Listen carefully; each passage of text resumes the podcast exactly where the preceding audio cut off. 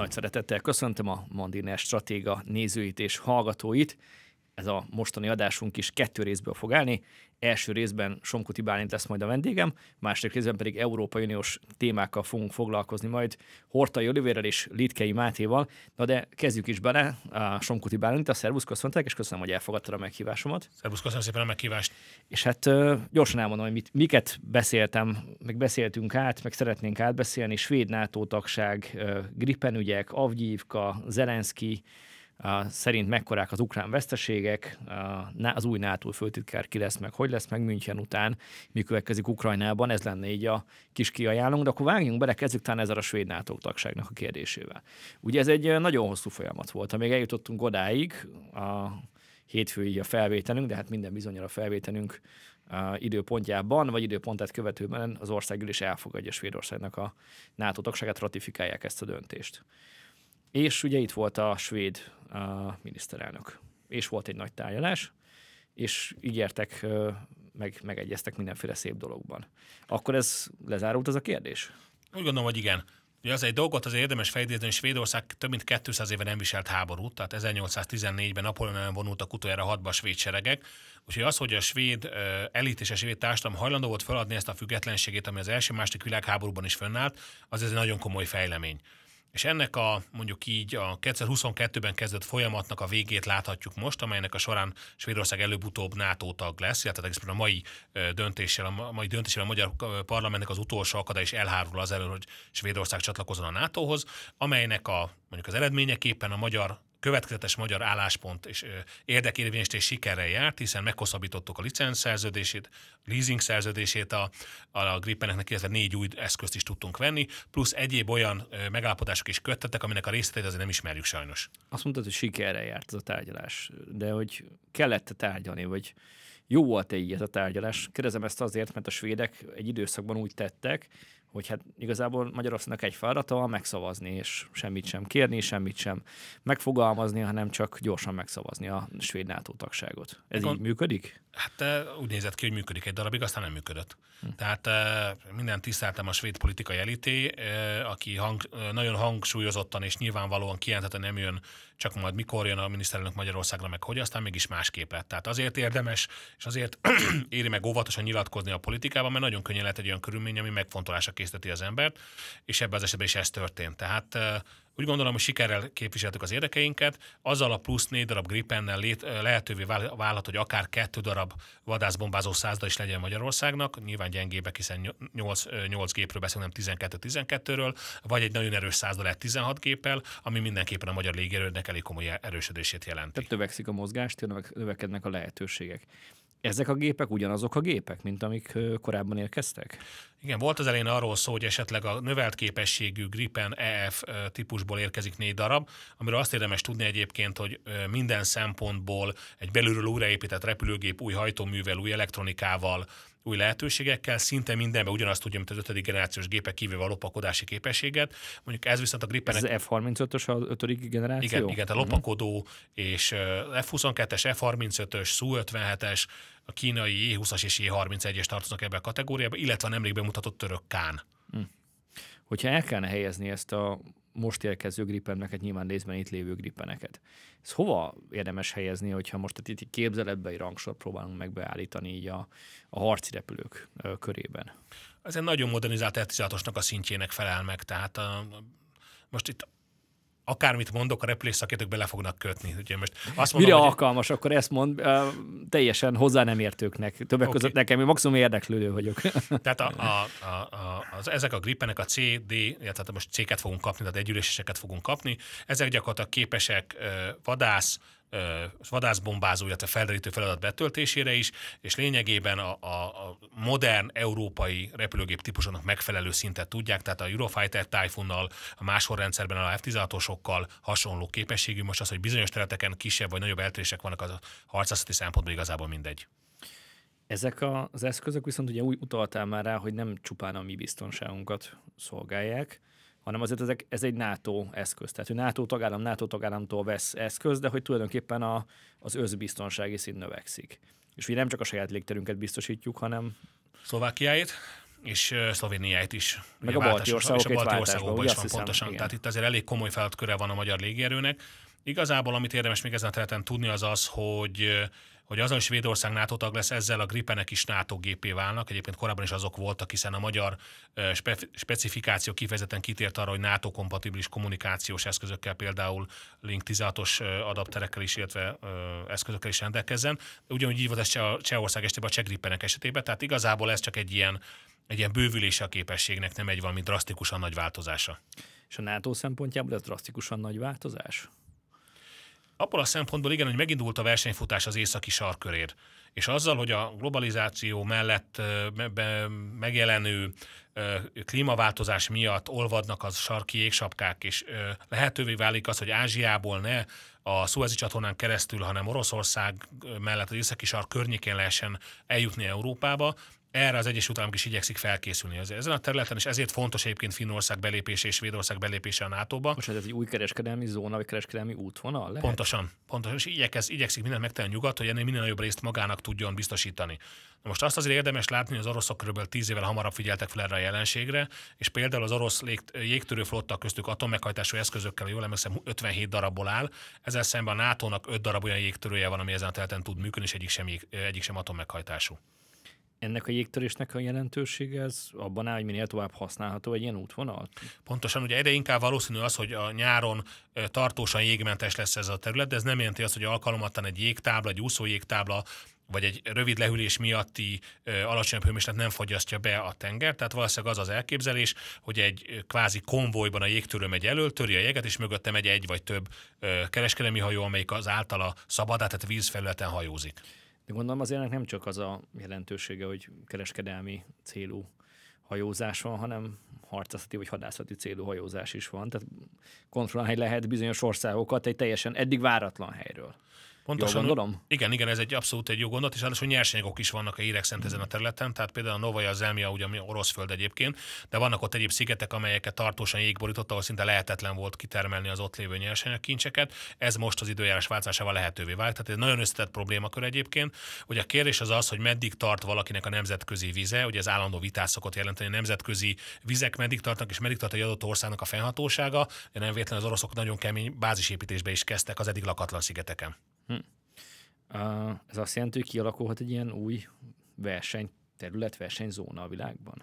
Már kis alakult. Tehát Finnország és Svédország belépése azon túl, hogy semleges államok voltak, és a semleges államoknak a függetlenségét hagyományosan nagyhatalmak garantálják, ahogy Ukrajna esetében is teszik egyébként, ezt Oroszország az ukrán támadással megszegte, tehát azon túl, hogy valóban jelentkezett egy jogos félelem az ellen, hogy már nem garantálják a függetlenségüket, azon túl az északi sarkörér folyó versenynek is ez az egyik oka, hogy beléptek a NATO-ba érdekes, akkor csak folytatódik ez a nagy nemzetközi, meg geopolitikai versengés, de akkor nézzünk egy pillanatra rá arra, hogy mi történik a, nem a közeljövőben, hanem a jelenben vagy a múltban, hiszen azért itt sorban történnek dolgok, ugye, amik összekapcsolódnak.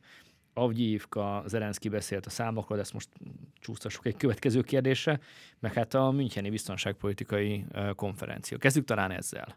Ugye München után vagyunk, azt mondtad, elárjuk a nézőknek, hallgatóknak adáson kívül, hogy nagy volt a várakozás, de hogy nem, nem történt semmi tulajdonképpen. Nem történt semmi? Hát a látványosan be lett mutatva a világ közösségének azok a biztonsági megállapodások, amiket kötöttek uh, Ukrajna és több állam között, de erre mondta az egyik kanadai diplomata, hogy nekik ezt nem kell a parlament elé vinni ezt a megállapodást, mert nem tartalmaz semmi rájuk kötelező elemet. Tehát onnantól kezdve egy olyan megállapodásról beszélünk, amit a parlamentnek vagy a országgyűlésnek nem kell ratifikálnia, hanem a kormányok között született és nincs kötelező erejű része, ez onnantól kezdve nem tekintető komolynak, csak egy darab papírnak, egy propaganda lépésnek. Tehát akkor gyakorlatilag ezzel csak egy kommunikációs narratívát próbáltak meg felépíteni? Pontosan. Tehát azzal, miután a NATO tagsága Ukrajnak egyre távolabbi jövőbe csúszik, ezzel kell valamit üzenni az ukrán lakosságnak, hogy Zelenszky az eddigi lépései azok nem a semmire nem a semmit hozták eredményképpen, hanem valami eredményt azért elértek nyugaton. Ezzel egy darabig lehet takarózni, csak amikor ö, nem érkezik se lőszer, se légvédelmi rakéta, se további harci eszköz, idő után a valóságot nem lehet tovább elkendőzni. De azért semmi azért ez nem mondhatjuk, hogy semmi nem. Hát azért Ukrajna olyan nemzetközi hírre tett szert, most nyilván a, szívesen nem tettek volna szert valószínűleg, de ott vannak a legnagyobb nemzetközi konferenciákon, Zelenszky mindenhol is megszólalt, már mindenkivel is találkozott már, tehát azt lehet mondani, hogy diplomáciai szempontból, legalább diplomáciai szempontból jól használták ki ezt a szituációt. Abszolút mértékben, csak ez nem segíti a honvédő háborújukat. Hm. Tehát a, a eszköz hiányában én azt szoktam mondani, hogy a hit az nagyon fontos dolog, én is vallásos ember vagyok egyébként, de egy olyan háborút nem láttam, ahol az elszántság, a, a, a hit és az ellenfél átkozása pótolta volna a tüzet és a vasat. Tehát gyakorlatilag tüzérség, fegyverek, eszközök, harcelművek nélkül akármilyen elszánt valaki előbb-utóbb veszíteni fog. És Ukrajnának nem annyira arra van szükség, hogy különböző helyeken fogadják és Zelenszky elnököt kiemelten kezeljék, hanem arra, hogy minél több harci eszközt kapjon. De ez most Deti álnaív lesz a kérdés, de most teljesült, nem? Mert az Európai Unió a finanszírozás biztosítja, az Egyesült Államokban tettek egy lépést, a, egy további lépést, hogy közeledjen a, a további támogatások megszavazásának az ügye, tehát a Ukrajna a működése biztosítva, vagy nincs biztosítva? Hát pénzügyileg igen, csak a tüzérségi lőszer meg a légvédelmi rakét az nem kapható a sarki boltba. Hm. Tehát, hogy arról lenne szó, hogy vajból kéne ellátni Ukrajnát, akkor bárhol elmennek és bevásárolnak, vagy mondjuk kőolajból, vagy bármiből de ezeket az eszközöket igen korlátozott kapacitással kevés helyen gyártják, és miután a nyugati készleteket már átadták Ukrajnának, a termelés felfuttatása másfél, de inkább két évig tart, innentől kezdve gyakorlatilag, amiket tettek, azok igazából ilyen látszatintézkedések csak. Mire lenne most szükségük? A tüzérségi lőszerre, 155 mm-esre, légvédelmi rakétákra és további harcjárművekre, önjárólövegekre, harckocsikra, páncélszálltójárművekre, stb. Majdnem mindenre tulajdonképpen. Szinte mindenre. Meg emberre is, vagy? Hát most már úgy hogy emberre is egyébként, hiszen nem véletlen, hogy megindultak a számisztikák, és akkor hagytérek rá a 31 ezer halottra. Így van, bocsánat, hogy mielőtt megelőzem, hogy ugye megszólalt Zelenszky elnök, és azt mondta, hogy szó szerint 31 ezer ukrán honvéd halt meg a háborúban, nem 300 ezer vagy 150 ezer, ahogyan azt Putyin hazug rendszere állítja. Persze nekünk is ez hatalmas veszteség. Lehetséges, hogy 31 ezer ember halt meg az elmúlt időszak. A, Igen, elmúlt más, két elmúlt évben. másfél hónapban biztos. Tehát az a baj, hogy vannak olyan ö, független források, amik egyértelműen mutatják azt, hogy a rendkívüli módon titkolt valós veszteséget, azok ennél sokkal nagyobbak. Tehát például, hogy mondjam azt elő, Zaluzsné egy nyilvánosságra hozott felvételen 20 ezer katonát kért havonta a, az országgyűléstől, vagy a, vagy a radától, vagy nevezük bárhogy. Most ez nem jelenti, azt feltétlenül, hogy mindegyik meghalt, vagy súlyosan megsebesült. növelnék a kapacitást. Csak pontosan, tehát ehhez növelni az élőerőnek a mennyiségét, illetve a veszteségeket pótolná vele. Na most ebből a szempontból teljesen kizárólag, hogy 31 ezer halottról beszélünk, sőt ennek a tízszerese is még az alsó határát jelzi annak, amit egyesek különböző számokból, halázási arányokból, temetők méretéből. Most az elmúlt két évre mondod. Az elmúlt két évről beszélünk, igen. igen. Hogyha meg kellene satszolni, meg lehet-e, meg tudod-e lehetséges helyeten megsatszolni, egyik meg másik oldalon, hány katona érintett a harci cselekmények, akik vannak a front, mennyien vannak a fronton?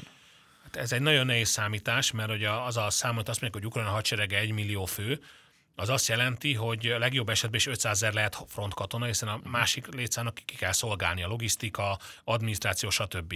Tehát azok a számok, amik azt mondják, hogy olyan 3-400 ezer, és ugye vannak még egyéb területek is, amit el kell látni, határőrség, stb. Tehát azok a számok, amik azt mondják, hogy olyan aktívan olyan 3-400 ezer fő harcol mind a két oldalon fronton, azt szerintem reális lehet körülbelül, de én már hallottam 600 ezeres számot is, és hallottam 800, 800 ezereset is, úgyhogy lehetetlen megbecsülni gyakorlatilag. Ez egy millió, mivel Ukrajna rendelkezik, ez növelhető, jelentősen növelhető, vagy ez a maximum? Elméletileg nem lehetne lehetetlen növelni, hiszen a sorozási korhatár az 25-től 60 év jelenleg, hm. úgyhogy van még azért lefelé lehetőség, 17 éves, 18 éves kortól általában behívhatóak a, a férfiak, és ugye ukrán esetben nőket is behívnak. Ugye 60 év fölé már nem nagyon szoktak menni, mert fizikailag alkalmatlan már a legtöbb behívandó ilyenkor már, de abban is van, volt, látunk már olyat, hogy, hogy idősebbek is elmentek harcolni. A tisztek esetében éppen 75 évre emelték fel Ukrajnába is a korhatárt. Érthető okokból a tisztek túlnyomó többsége nem gyalogos harcázatban vesz részt, tehát ezt, ez megoldható. Úgy gondolom, hogy még van Ukrajnának élőerő tartaléka. A nagyobb gondot az jelenti az ukrán vezetés számára, hogy nem akar elmenni harcolni. Tehát aki már el akart menni harcolni a függetlenségre, az már vagy bevonult magától, vagy megvárta beívóját, és akkor ment el. És mi van azokkal, akik külföldre mentek? Ez egy nagyon jó kérdés. Én azt hiszem, hogy az a sors, amit az Európai Unió szán a hozzájuk menekült ukrán ö, katonaköteles korú férfiaknak, az nagyon sok el fogja dönteni nem Ukrajna, hanem Európa jövőjét. Hm. Tehát az, hogy bárki bárhonnan bejött Ukrajna, Európába, kivéve ukrán katonaköteles férfi, és akkor kiadják meg, kiszolgáltatják a, a, annak a sorsnak, amit ő nem akar egyébként, az egy nagyon durva csapás lenne az Európai Uniónak az ideájára. Tehát én azt gondolom, hogy lesz akkor a nyomás különböző országokon, hogy administratív eszközökkel próbálják meg visszazsuppolni az ukrán menekülteket, különösen, különösen katonakorúakat, és már vannak erre utalőlek Németországban, Lengyelországban, az ukránok részéről érted, ugye? Hogy Esik? most az ukránok részéről érted a nyomást, hogy szeretnék visszakapni az embereiket, Igen, akik de elmenekültek. A, a egyre nehezebb gazdasági helyzetbe kerülő államok szintén csökkentik az ukrán menekülteknek adott támogatást, arra való hivatkozással, hogy ö, nyugodtan haza lehet menni és harcolni a hazáért. Tehát például azok a lépések, amelyekben Nagy-Britannia Romániában is például az ukrán menekülteknek már nem biztosítják ugyanazokat a feltételeket, mint amiket a világ többi részéről érkezőknek, azok mind arra mutatnak, hogy szépen lassan elkezd, elkezdett adminisztratív eszközökkel a kiszorításuk Európából. Mondjuk az ijesztő abból a szempontból, hogy Európa mennyire befogadó, és mondja, hogy akkor a menekülteket komolyan kell venni, és már összemostunk mindenféle menekültet, gazdasági bevándorlót, egyéb migránst, egy kalap alá vettünk, és amikor tényleg menekülnek emberek, akkor velük szemben meg nem vagyunk már olyan toleránsak? Az egész irányú az Európai Unió vagy... halad az ijesztő. Egy iszonyatos álszentség és egy vallásos fanatizmus jellemző, mert Isten nyomokban sincs egyébként, de a, a környezetvédelem, meg az emberi jogok, meg az egyebek ott vannak, és ekközben a saját alapelveit szegik meg nap, mint nap, mint nap és előbb vagy utóbb akkor lesz ott is a különbség, ahogy Ukrajna esetében is a valóság és a kommunikáció között, hogy azt már nem lehet átidalni. Nem lehet áthidalni, de hát látható, hogy a kommunikáció az tényleg csodákra képes európai, meg nemzetközi szinten is, tehát azért sok mindenre lehet számítani. De hát ugye vannak olyan tények, amikkel azért nem lehet, meg nem célszerű vitázni. Nyilván ezek az elsősorban harci tények. Ugye itt most Avgyívka lett az új Bakhmut, legalábbis a médiában egyértelműen. Mi a jelentősége ennek? Van jelentősége, hogy itt most egy, ugye egy váltást történt, orosz kézre került, az nagy győzelem az oroszoknak, nagy lehetőségek, valójában semmit nem jelent, tehát hogy hova kell ezt helyezni? Ö, érdemes nézni a kommunikációját, a hivatalos ukrán kommunikációt, ezáltal a vele egybecsengő nyugati kommunikációt. Ugye amíg Egyébként nagyon keményen tartották az ukránok ezt a várost, amit uh, Hidegkuti Konstantin úgy szokott jelenteni, hogy betonba öntöttek, tehát konkrétan több tízezer, százernyi tonna beton van beépítve a Gyevkába és környékén. Addig arról volt hogy az oroszok még egy ilyen kisvárossal sem bírnak el. Abban a pillanatban, hogy elesett, hirtelen a stratégiai jelentősége nullára csökkent. Na most, amit érdemes figyelembe venni, hogy amikor kirobbant 2014-ben a két népköztárságnak nevezett állam kezdemének a, a függetlenségi harca, akkor Ukrajna nyugati segítséggel egy nagyon komoly védelmi vonalat épített ki velük szemben, nyilván arra számít, hogy Oroszország valamikor megsegíti őket és támadni fog. Ennek egy része volt az a hármas vonal, ami Lysychansk, Severodonetsk, Bahmut, Seversk, illetve uh, Slavjansk és uh, Kramatorsk között húzódik, és a másik ilyen vonal, ami közvetlenül Donetsk városa mellett húzott, az Avgyevka és környékére épül ki. Na most ezeknek a területeknek az elvesztése óriási veszteség, mert akármilyen védelmi vonalat fognak kiépíteni mögötte, abban már nem lesz beleöntve több százer tonna, egyébként sok esetben robbanásbiztos beton.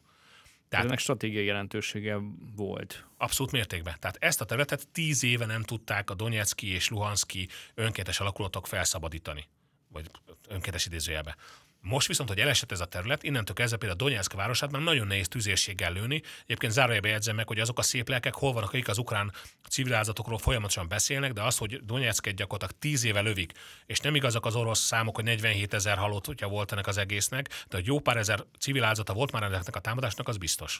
Ez alapján rögzíthetjük azt, hogy Ukrajna nem sikereket ér el, hanem inkább biztos, hogy apró vereségeket szenvedett el az elmúlt időszakban. És akkor a kérdésem az az lenne, hogy akkor ez most kinek a felelőssége, mert itt a ukrán védelmi miniszter azt mondja, hogy a nyugati partnerek által ígért fegyverek fele nem ért időben Ukrajnába, ezért veszít területeket a háborúban Oroszországgal szemben. Akkor a nyugat a felelős? Pontosan így van. Ha belegondolunk abba, hogy 2022 márciusában Isztambulban megállapodott Ukrajna és Oroszország abban, hogy milyen feltételekkel hagyja a Oroszország a támadást, megérkezett egy nyugati vezető, akit Boris Johnsonnak hívnak, és nem oda telefonálta, hogy a hírek szerint történt, ténylegesen odament, és azt mondta Zelenszkinek és az ukrán kormányzatnak, hogy eztekbe se jusson megállapodni, mi mindenen ellátunk titeket, amire a győzelemhez szükség van. Ez az az ígéret, amit egyre többször számon kérnek teljesen jogosan az ukrán vezetők a nyugaton, ez amit a nyugat nem tud teljesíteni. És nagyon meglepő az, hogy Kirill Budonov... tudja teljesíteni? Most már nem tudja. Tehát lehet, hogy valamikor tudta volna teljesíteni, de az Egyesült Államok a tovább romló kínai kapcsolatoknak köszönhetően fel kell, hogy készüljön egy olyan háborúra, amelyik a világ másik részén robban föl, és akkor nem is beszéltünk még a gázai háborúról. De most bocsánat, ez alatt azt érted, hogy sokkal rövidebb idő alatt sokkal több fegyvert kellett volna már sokkal korábban befektetni ebbe a háborúba, ha a nyugat tényleg komolyan veszi, hogy ezt Ukrajna meg akarja nyerni. Pontosan, pontosan. Tehát azért azt lássuk be, hogy 2022-ben Ukrajna jellemzően lengyel és cseh forrásból 500 darab szovjet származású vagy szovjet eredetű harckocsit kapott. Modernizáltat igazából mindegy, milyen formában beszélünk róla. Ez a szám nyugati harckocsikból a 100 valamint is alig érte el 23-ba, és 2024-re még csak ígéret sincs. Tehát miről beszélünk? Tehát gyakorlatilag a nyugat nem mérte föl, hogy mivel jár az a helyzet, hogyha ez az ukrán konfliktus, mondjuk az orosz-ukrán háború, vagy az orosz agresszió, az ilyen elhúzódó felőlő háborúvá fajul, mert akinek volt katonai tapasztalat, az vagy nem hallgatták meg, vagy meg se kérdezték. Tehát az, hogy az európai hadipar az összes hang, nagy hangon bejelentett intézkedés ellenére sem képes egy év alatt egy millió lőszer szállítani Ukrajnának, az elég sokat elmond. A védelmi miniszter azt is elmondta, hogy Ukrajna megháromszorozta a fegyvergyártását. Ez tulajdonképpen ennek köszönhető, vagy ez Hát ez, a, ez a, az mindenféle drónokra vonatkozik, amiket Aha. viszonylag egyszerű összeállítani az ilyen tényleg kamerás drónokra rátesznek a, motoroknak a túlterhelésével egy 4-5 kilós robbanófejet, is egy egyszer használatos eszköz, elég, ha elrepül 20 km, amit egy feltöltés elbírnak az aksik, és utána el is dobták gyakorlatilag. Ezeket valóban megtöbbszörözték a gyártását, de ez megint csak nem tüzérségi eszköz, nem harckocsi és nem önjáró löveg, és nem légvédelmi rakéta, ami nagyon fontos. Ezekből egyet se gyártanak, vagy egyik típus sem tudják pótolni Ezt saját erőből? Pont most csináltam egy ilyen kutatást, egy ilyen egy felkérésre, és Patriot rakétákból évente 500 darabot gyártanak az USA-ban, amiből, ami, amely termelést valószínűleg 2026-ra 650-re tudják fölemelni. Na most, ha belegondolunk abba, hogy december 27-e és január 5-e között 500 darab eszközzel támadta Oroszország Ukrajnát, aminek a fele igaz, hogy Gerán 2 drón volt, amire nem Patriotot indítanak, de akkor is 250 darab célpontot kellett légvédelmi rakétákkal lelőni, cirkáló rakétákat, balisztikus rakétákat, egyebeket, amelyekre darabonként legalább kettő légvédelmi rakétát kell indítani, hogy biztos legyen a találat. Tehát akkor már előtték az USA egyéves termelését. Akkor Ukrajnának az egyéves termelése az légvédelmi rakétából valószínűleg nulla. Tehát a szovjet, ex-szovjet készleteiket használták, ameddig tudták, és nem véletlenül lehet már azt látni, hogy a frontvonalon is egyre inkább patriotokat semmisítenek meg az orosz drónok, illetve a tüzérség. De az oroszok is fogynak, nem? Tehát, hogy Persze. az ő eszközeik. Persze, csak ez egy olyan történet, hogy az orosz készleteket tudják a velük hasonló irániból és észak-koreaiból mm. pótolni, illetve a saját fölpörgetett gyártásukból. Az orosz hadipar három műszakban dolgozik. Nyilván a nyugati is egyébként, csak az oroszok gyorsabban tértek át a tömegtermelésre, és ha már számokról beszélünk, akkor elképzelhető, hogy 2025-re, de legkésőbb 26-ra Európa 700 ezer tüzérségi lőszert fog tudni gyártani, addig az oroszok most gyártanak két milliót, úgyhogy közben Észak-Koreából és Iránból ismeretlen mennyiség érkezik. És az EU szankciók segíthetnek abban, ezek a mostani 13. szankciós csomagban elfog, elfogadott megállapodások, hogy megakadályozzák azt, hogy Észak-Korea például fegyvereket szállítson?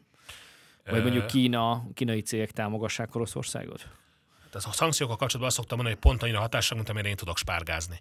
Tehát egész egyszerűen ezek a szankciók a történelem során nagyon ritkán működtek. Gondoljunk bele csak bele Kubába, amelyik 70 éve áll gyakorlatilag totális blokkád alatt. Vagy gondoljunk bele Észak-Koreába, ami szintén kb. hasonló ideje van blokkád alá vonva. Oroszország a világ legszankcionáltabb országa jelenleg, több szankció van ellene érvénybe, mint az utána következő három ellen összesen is működik. Még az IMF, az IMF-et nem nagyon lehet orosz pártisággal vádolni, még az IMF is azt mondta, hogy 3-3,5 százalékos fejlődés várható. Hm. NATO-val kezdtük, zárjuk akkor NATO-val ezt a beszélgetést, méghozzá a NATO főtitkárnak a személyével. Ugye most itt mintha kialakulna egy verseny, valós verseny, valós verseny, kezdem talán ezzel a kérdést.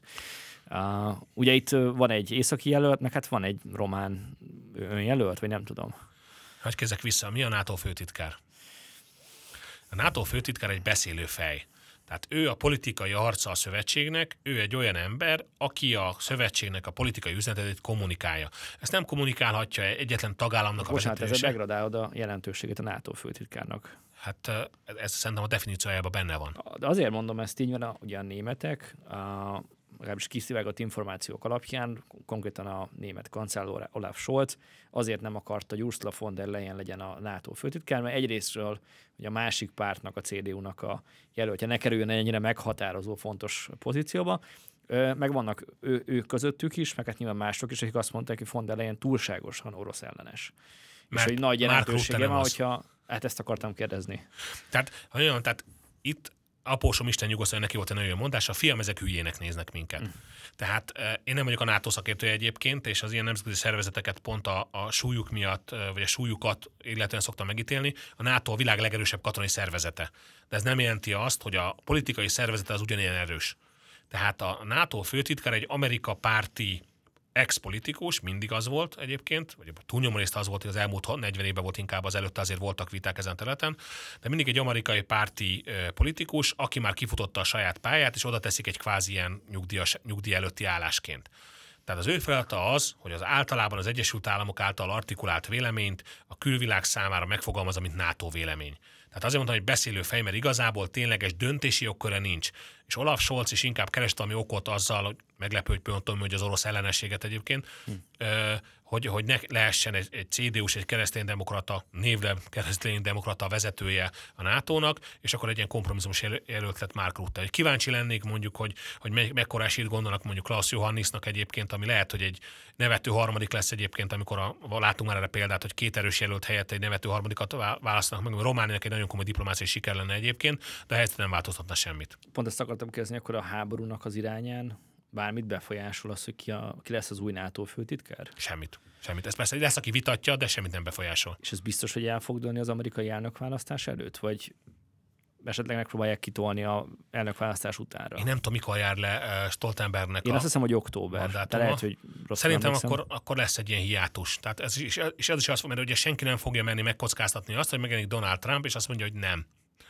Előtte ugye nem lesz. Majd csak januárban jelenik meg, ha megjelenik. Igen, de mondjuk az óriási blamás lenne, hogyha kineveznek egy NATO főtitkárt, majd az Egyesült Államok elnöke látványosan denunciálná, vagy valamilyen szempontból meghazudtolná, vagy leszólná, vagy bármi. Tehát ezt a, ezt a blamát egyébként a sok blama mellé tegyük hozzá, már nem merik fölvállalni szerintem, úgyhogy valami olyan megoldás lesz, hogy vagy megszületik egy kompromisszumos jelölt, akit előtte valahogy leokéztatnak az amerikaiakkal, vagy pedig egész egyszerűen Stoltenberg elmegy nyugdíjba, és lesz egy ilyen három hónapos hiátus, amely pontosan jól fogja mutatni, mennyire, súly, mekkora nincs, mennyire nincs súly egy ilyen pozíciónak.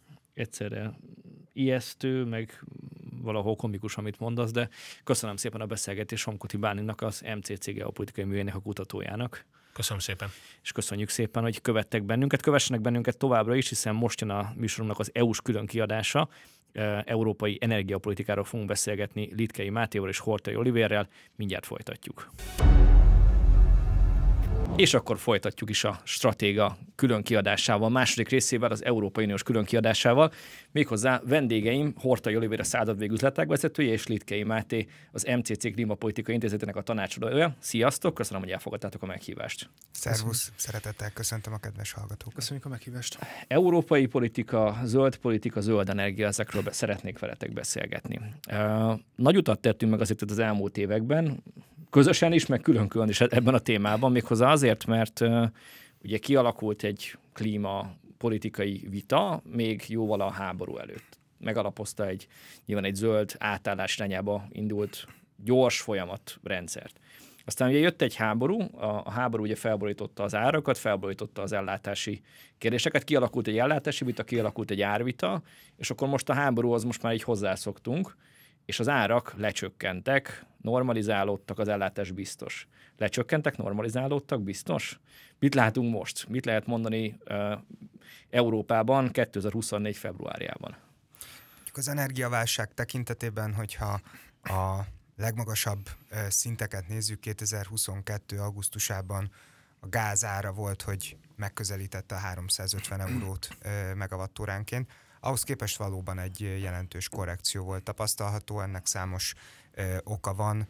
Egyrészt a tavalyi évben és idén is egy rendkívül enyhe telünk volt és van. Az Európai Unió a várakozásokat felülmúlt abban a tekintetben, hogy új forrásokat volt képes bevonni, mondjuk a cseppfolyósított földgáz tekintetében.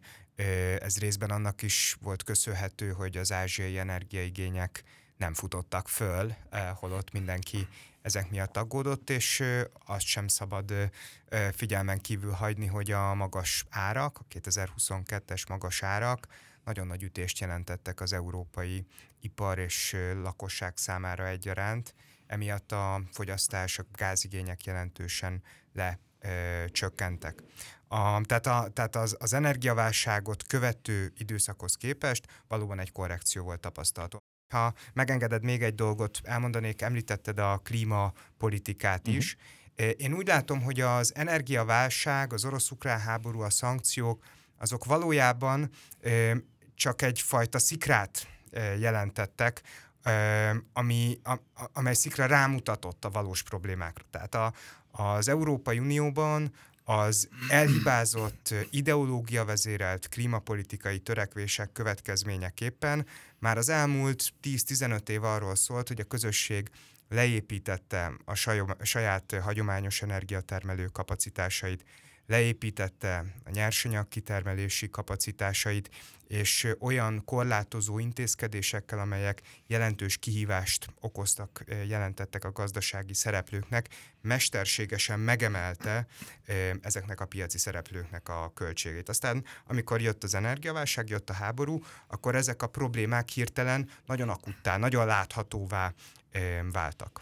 Nagyon akutá, nagyon láthatóvá váltak, és ez itt létrejött egy feszültség, hiszen ugye szerintem azt senki nem akarja vitatni, és nem is vitatja, hogy szükség van a zöld energiára, meg a zöld gondolkodásra is a hétköznapokban. De ez egy másik kérdés, amiről te beszéltél, egy ilyen eltúlzott megközelítés, és nem tudom, hogy Máté, te mit gondolsz erről, Ugye azért a, a német gazdák például, de nem csak a német, más gazdák is az elmúlt időszakban pont emiatt kezdtek el tüntetni, hogy annyira túl lett tolva a klímapolitikai uh, intézkedés Németországban, hogy már, már a mezőgazdaságot, nem már, már, már régen a mezőgazdaságot veszélyezteti. Hát igen, a... Van egyensúly? Hol van az egyensúly? Ugye az, talán az első ilyen indító pont az a holland gazdáknak a tüntetése volt, még nem olyan rég, de, de ők kezdtek el leghamarabb, és nem is klímapolitikai megfontolások ellen tüntetni, hanem ott kifejezetten a műtrágya alkalmazás csökkentését szerették volna elvárni a gazdáktól és hát polgárháborúhoz közeli állapotok alakultak ki, tehát amikor az Agrárminisztérium épületét higtrágyával locsolják a gazdák, és és a traktorok, amik most már általános jelenségé váltak, ott jelentek meg először, azok igenis félelmetes képet adtak, és mutatták azt, hogy az európai emberek, de, de kifejezetten ebben az esetben a gazdák azt érzékelik, hogy a, az elitek, a döntéshozók olyan mértékben távolodtak el a valós élet problémáitól, hogy az már kontraproduktív, az már kifejezetten ellene hat mondjuk a termelő tevékenységnek. Még egy gondolattal hagyugorjak vissza az előző kérdésre, az energiaválság kérdésére, mert vannak átfedések a két kérdés között. Sikerült-e kezelni az energiaválságot, és hogyha az árakat nézzük, akkor akár még nyugodtak is lehetnénk. Szerintem ne legyünk nyugodtak, mert a kérdés az az, hogy sikerült-e stabilizálni ezt a, ezt a szektort, sikerült-e az ellátásbiztonságot stabilizálni, és én csak három dolgot szeretnék itt most felvetni.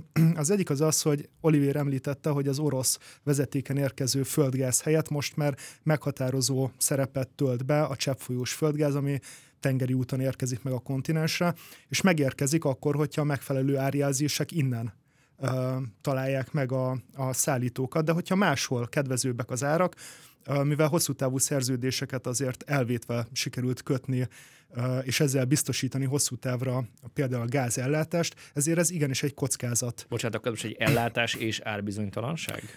Hát mind a kettő, hiszen hogyha ellátásbiztonság kockázata merül föl, tehát az, hogy nem lesz megfelelő gázmennyiség, akkor egy dolgot tudnak tenni az európai vevő oldalon levő gázkereskedők, emelik a, a, a licitet, és emelik az árat, és ezzel megpróbálnak egy olyan árjelzést küldeni, ez hogy valós, ide, ide most induljanak. Ez valós veszély, mert ugye emlékszünk, hogyha visszagondolunk arra az időszakra, a, amikor ugye kirobbant az, ugye maga a háború, meg a háború már előtt azért voltak ugye erős üzenetek, meg erős jelek a, azzal kapcsolatban, hogy energiaellátási problémák lehetnek, akkor mindenki attól félt, hogy nem lesz gáz, nem lesz áram.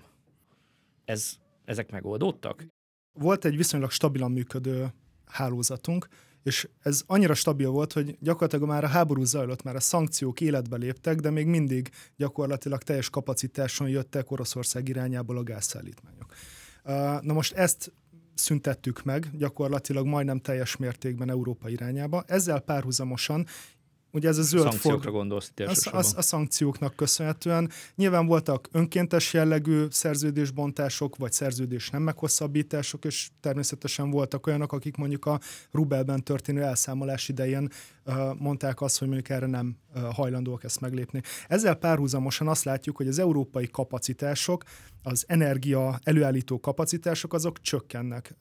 Németország ennek egy eklatáns példája, ahol is ideológiai alapon például az atomenergia kapacitásokat leépítették, és egy jelentős részben megpróbálták pótolni időjárás függő megújuló energiával, szén kapacitásokkal is importtal, de hogyha megnézzük a teljes európai képet, akkor azt látjuk, hogy egy egyre beszűkülő energiatermelő potenciál, vagy energiatermelési potenciál jelentkezik Európában.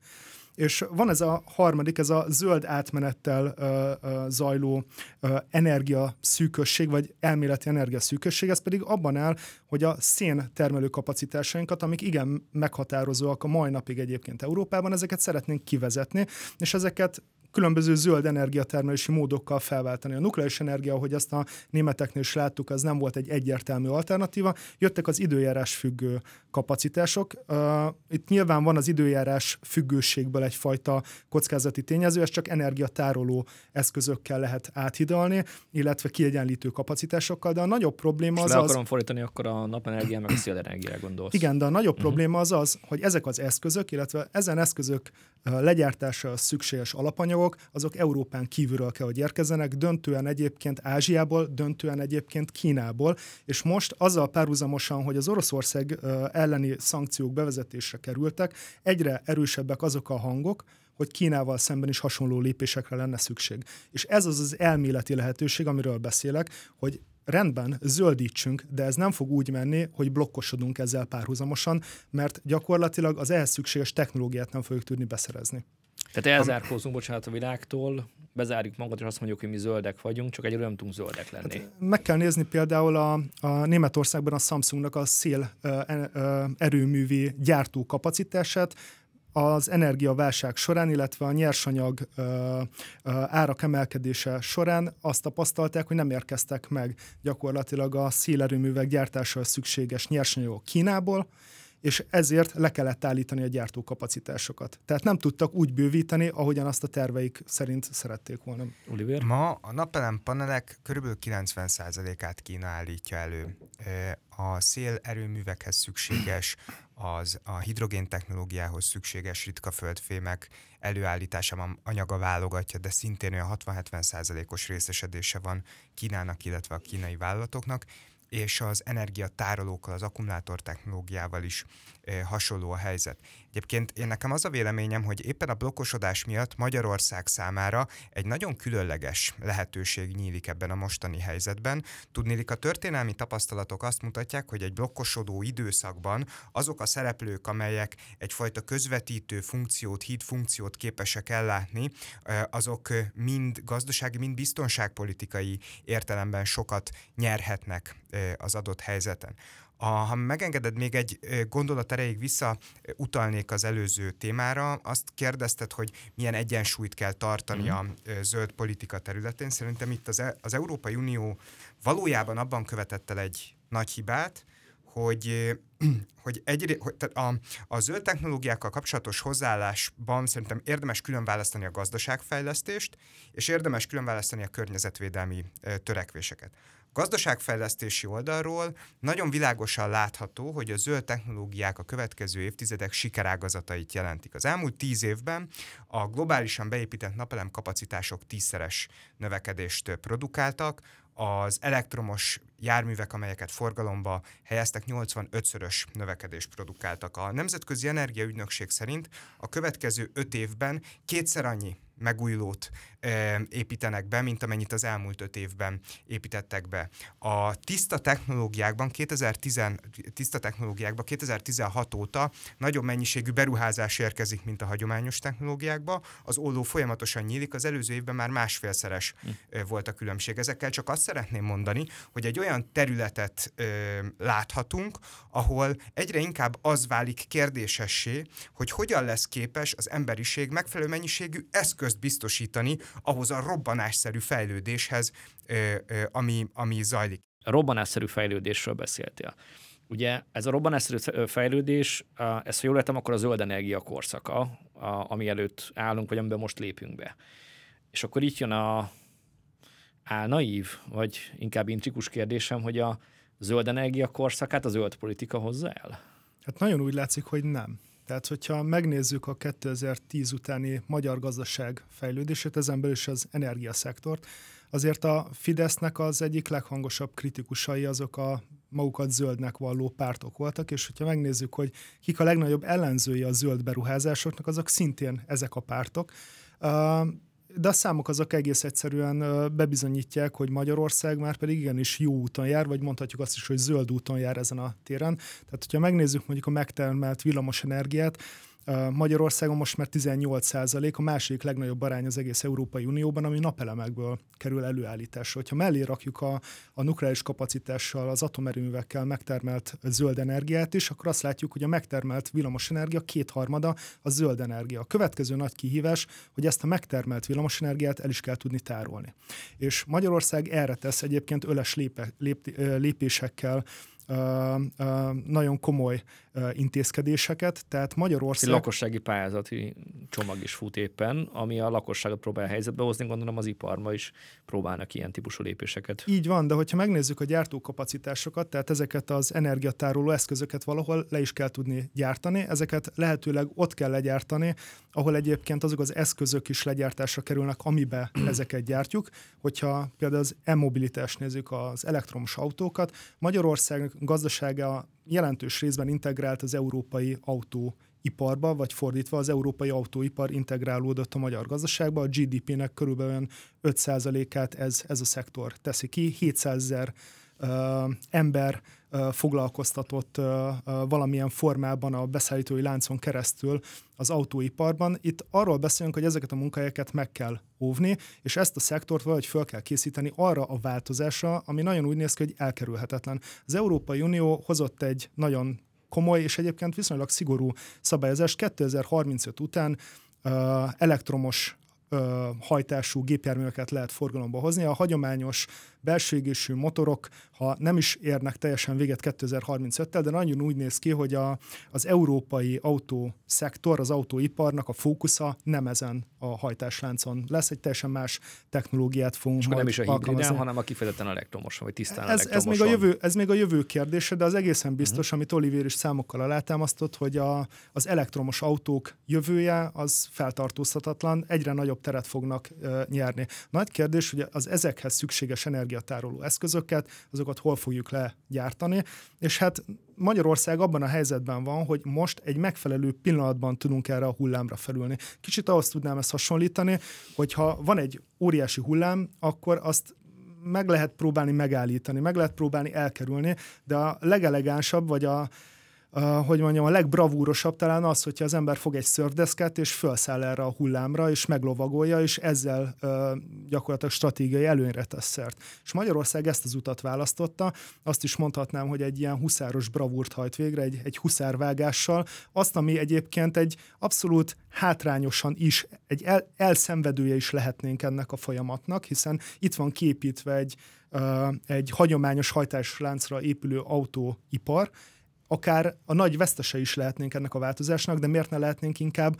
a világ egyik vezetője? És a magyar kormány azt a stratégiát követi, hogy találkozzanak Magyarországon azok a technológiák, amelyek meghatározzák a jövőt. Ha már itt vannak a hagyományos autógyártók, akkor hozzuk ide azokat a technológiákat egyébként jelentős mértékben Ázsiából, amelyek, amelyek majd lehetővé teszik azt, hogy ez a váltás meg tudjon történni, és ezek a, akár most persze természetesen a gyártásról beszélünk, de később a kutatásfejlesztési tevékenységnek a központja legyen Magyarország. Ez alatt azt érted, hogy akik már itt vannak autógyártók, azok sokkal szívesebben váltják majd le a itteni gyártásukat elektromos, vagy elektromos energiát is alkalmazó gyártásra, hogyha látják, hogy működik az elektromos gyártás is Magyarországon? Hát ez nem csak az, hogy sokkal szívesebben teszik meg, nem nagyon lesz más választásuk, mint hogy ezt megtegyék. A nagy kérdés az az, hogy ezeket a gyárt, gyárt, meg, gyártókapacitások, ezek hol alakulnak ki a világban. Mert azt látjuk, hogy Ázsiában nagyon komoly befektetések történtek már a múltban is, és egyetlen egy olyan vállalat van, amely az amerikai Teslát ebben a minőségében megelőzi, ez a BYD, az a, az autógyártó vállalat, amely Szegedre telepít most egy, egy gyártó kapacitást. Tehát azt látjuk, hogy Ázsiában erre a változásra készülnek. Azt is látjuk, hogy mi is készülünk, legalábbis a fejekben ez úgy már el lett ültetve, hogy igenis az elektromos hajtást kell favorizálni Európában.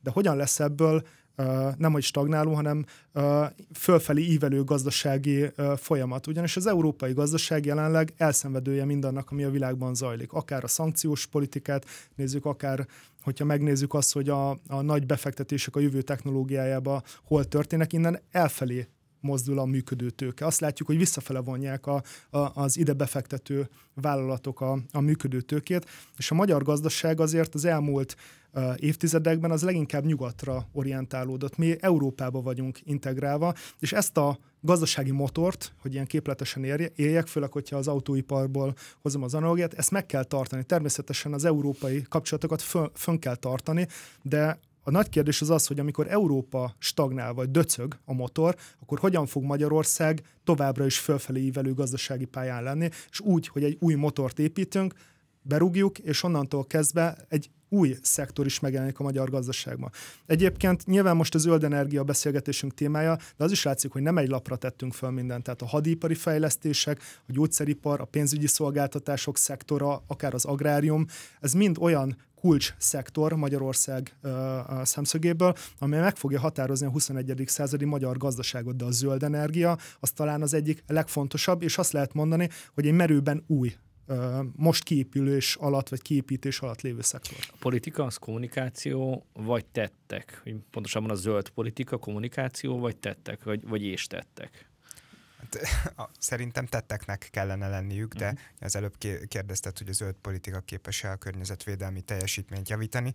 Hát azt láthatjuk az elmúlt évek tapasztalatai, vagy mondjuk az elmúlt év tapasztalatai alapján, hogy azok az európai szereplők, amelyek hangos klímacsendőrt játszottak az elmúlt időszakban, például a német zöldek, azokra látványosan rájuk omlottak a, a, a kampánydumáik. Tehát, hogyha megnézed a német kormányban a zöld minisztert, Robert Habeket, aki, aki a, például a cseppfolyósított földgáz elleni kiállásra tette föl részben a politikai karrierét, és az elmúlt egy évben vagy másfél évben személyesen adja át a cseppfolyósított földgáz fogadására alkalmas úszó terminálokat, vagy megnézed azt, hogy a német gazdaság hogyan állt meg lényegében a néhány héttel ezelőtt az egyik legnagyobb ipari szövetség vezetője konkrétan így fogalmazott, hogy a német ipar megállt.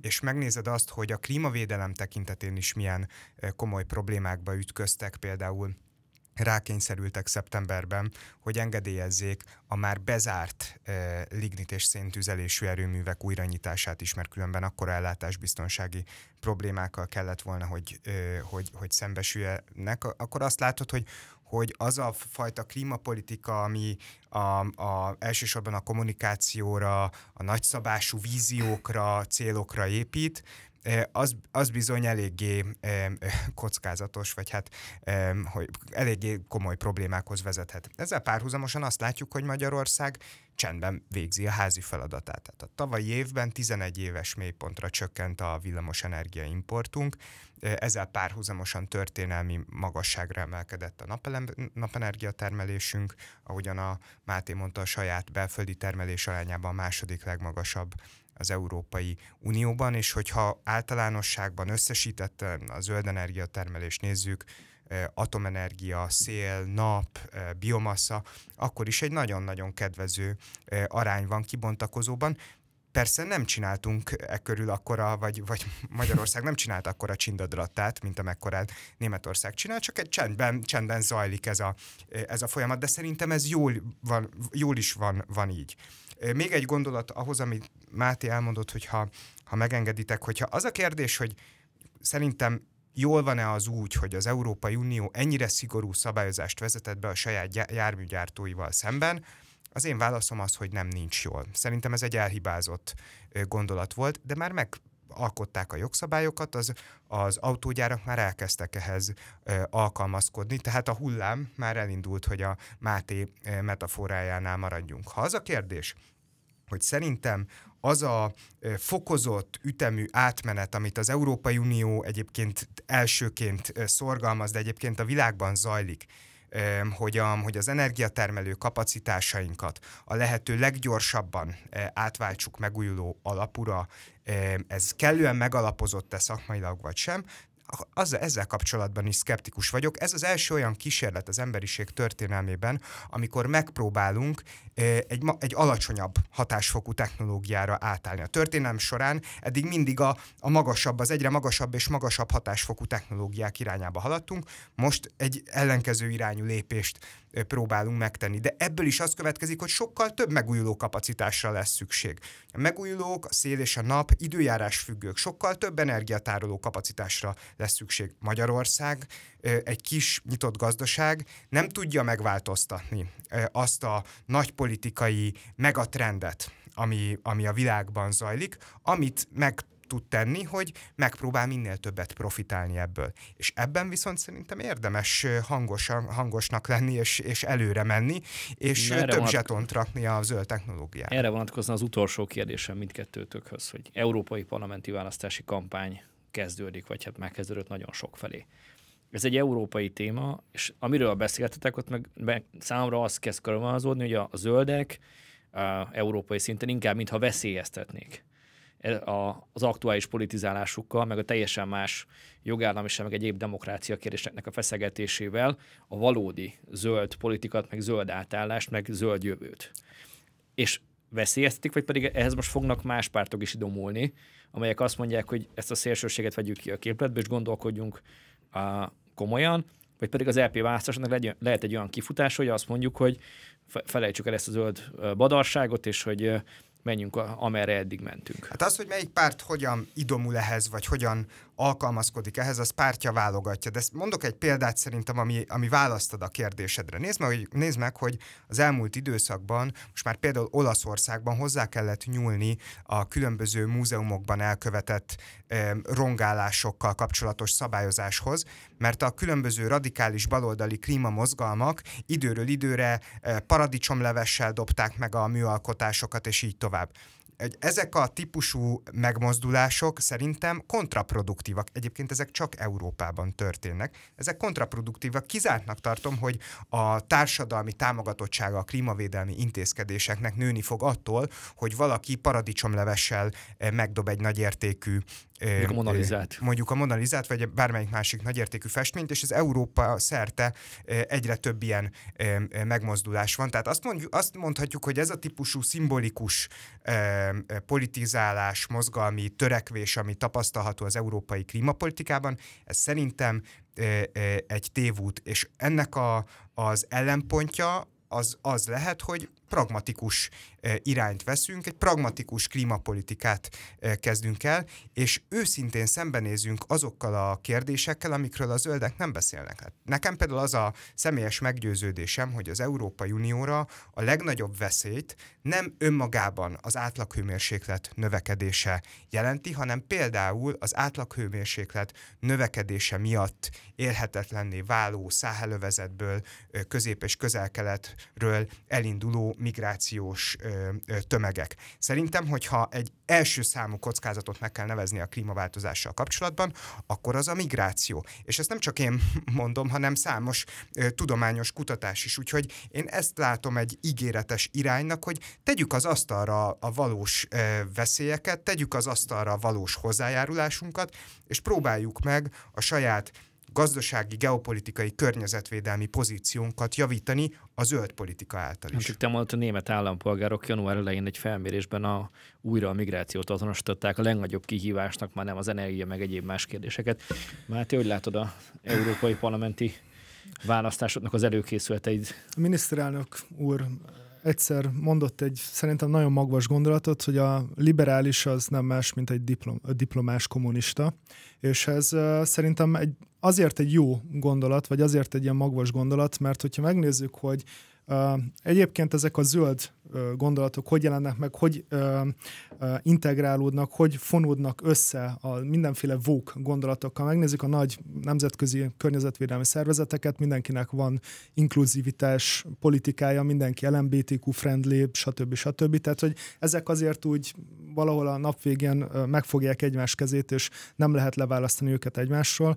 És azt látjuk, hogy en, emögött valódi társadalmi támogatottság nincs. Nyugat-Európában sem. Hogyha megnézzük a századvégnek tavaly évvégén elvégzett európai kutatását, akkor azt látjuk, hogy az átlag európai ember az nagyon nagy mértékben egyetért azzal, ahogy a magyar emberek gondolkodnak a világ meghatározó dolgairól, és ahogyan egyébként a magyar kormány a politikáját meghatározza, akár a migráció kérdésében, akár az orosz-ukrán háború kérdésében, akár a környezetvédelmi témákban is. Mindenki egy pragmatikusabb környezetvédelmet szeretne, egy pragmatikusabb klímavédelmet, és gyakorlatilag annak a jeleit látjuk, hogy ez az elszakadás, amiről a beszélgetés legelején beszéltem, hogy a döntéshozók, az európai döntéshozók ilyen elefántson toronyban ülnek, és gyakorlatilag úgy hoznak, nem tudom, 40%-ot emeljük meg 55%, meg 60%, hogy nincsen valódi hatástanulmány mögött, hogy nem csak gazdaságilag, társadalmilag ez mit fog majd eredményezni, ezt senki nem tudja jelenleg az meggyőződésen, senki nem tudja ezt az európai döntéshozók között. Az embereknek egy idő után teli van a hócipője ezzel, és aztán kimennek az utcára.